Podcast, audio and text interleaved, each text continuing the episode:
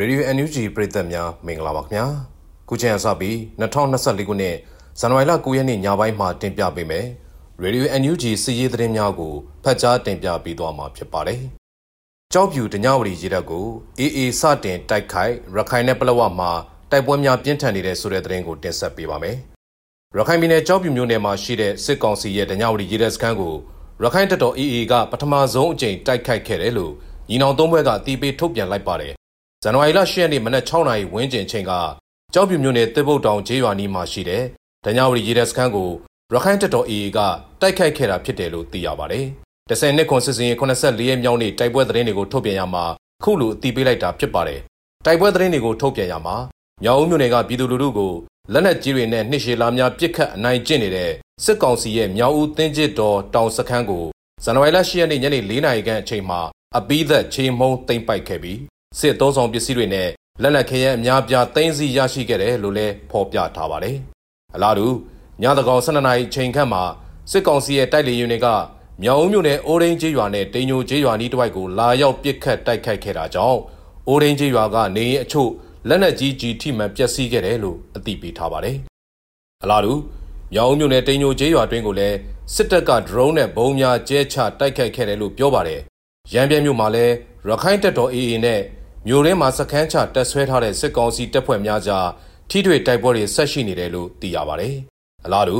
ပလောဝဒေသတစ်ခုလုံးမှာရှိတဲ့စစ်ကောင်စီစခန်းတွေကိုသိမ်းပိုက်နိုင်ဖို့ဆက်လက်ထိုးစစ်ဆင်နေရမှာ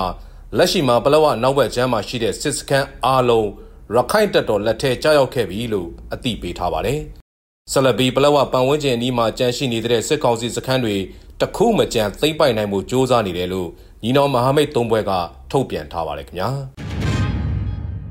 အခုတခါဝမ်ပေါင်ကုမ္ပဏီဇောင်းစစ်သားများကိုတိုက်ခိုက်မှုမှာတဦးသေဆုံးတယ်ဆိုတဲ့သတင်းကိုတင်ဆက်ပေးပါမယ်။စကိုင်းတိုင်းစလင်းကြီးမြို့နယ်ကဝမ်ပေါင်ကုမ္ပဏီရှေ့မှလုံခြုံရေးယူနေတဲ့အကြမ်းဖက်စစ်ကောင်စီတပ်ဖွဲ့ကိုပြစ်ခတ်တိုက်ခိုက်ခဲ့ရမှာ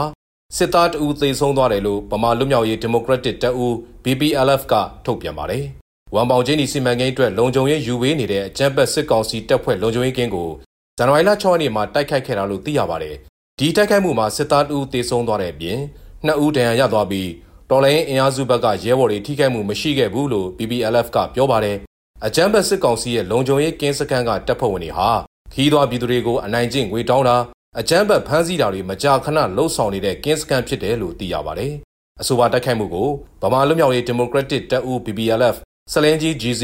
Brother Army မုံရခန်တရင်25တက်ခွဲနှစ်တို့ပူးပေါင်းလှုပ်ဆောင်ခဲ့တာဖြစ်ပါတယ်ခင်ဗျာ။အခုဆက်လက်ပြီး စစ်သား3ဦးဇိုလန် PDF ထံလက်နက်ခဲယမ်းများနဲ့အတူအလင်းဝင်လာတဲ့ဆိုတဲ့သတင်းကိုတင်ဆက်ပေးပါမယ်။ချင်းပြည်နယ်ဒီတိမ်မြို့အခြေစိုက်ခလာရ269တက်ကစစ်သား3ဦးဟာလက်နက်ခဲယမ်းတွေနဲ့အတူအလင်းဝင်လာတယ်လို့ပြည်သူ့ကာကွယ်ရေးတပ်ဇိုလန် PDF ကထုတ်ပြန်ပါတယ်။ခလာရ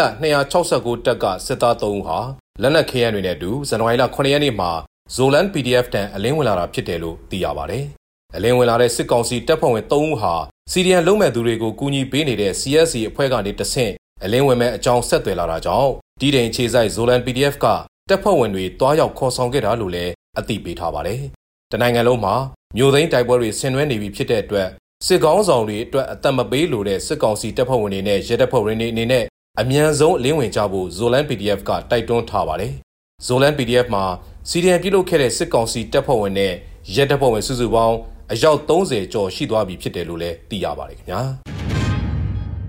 အခုဆက်လက်ပြီးဘောလခဲမြို့ရှိခရိုင်ရဲစခန်းကရဲတပ်သားတူ KNDF တန်ခိုလုံလာတဲ့ဆိုတဲ့သတင်းကိုတင်ဆက်ပေးပါမယ်။ KNB ဘောလခဲမြို့မှာရှိတဲ့စစ်ကောင်စီလက်အောက်ခံခရိုင်ရဲစခန်းကရဲတပ်သားတူဟာလက်နက်နဲ့တကွဗတ်ပြောင်းခိုလုံလာတယ်လို့ KNDF ကဇန်နဝါရီလ9ရက်မှာထုတ်ပြန်ပါတယ်။ဗတ်ပြောင်းခိုလုံလာတဲ့ရဲတပ်သားဟာစစ်ကောင်စီအမိန့်အောက်မှာတာဝန်ထမ်းဆောင်လို့စိတ်မရှိတော့တာကြောင့်ဇန်နဝါရီလ9ရက်နေ့မှာ AK22 တနက်တလက် UB ထွက်လာတဲ့အတွက် KNDF ကတွားရောက်ခေါ်ဆောင်လာခဲ့တာလို့သိရပါတယ်။ စစ်ကောင်စီကိုစန့်ကျင်က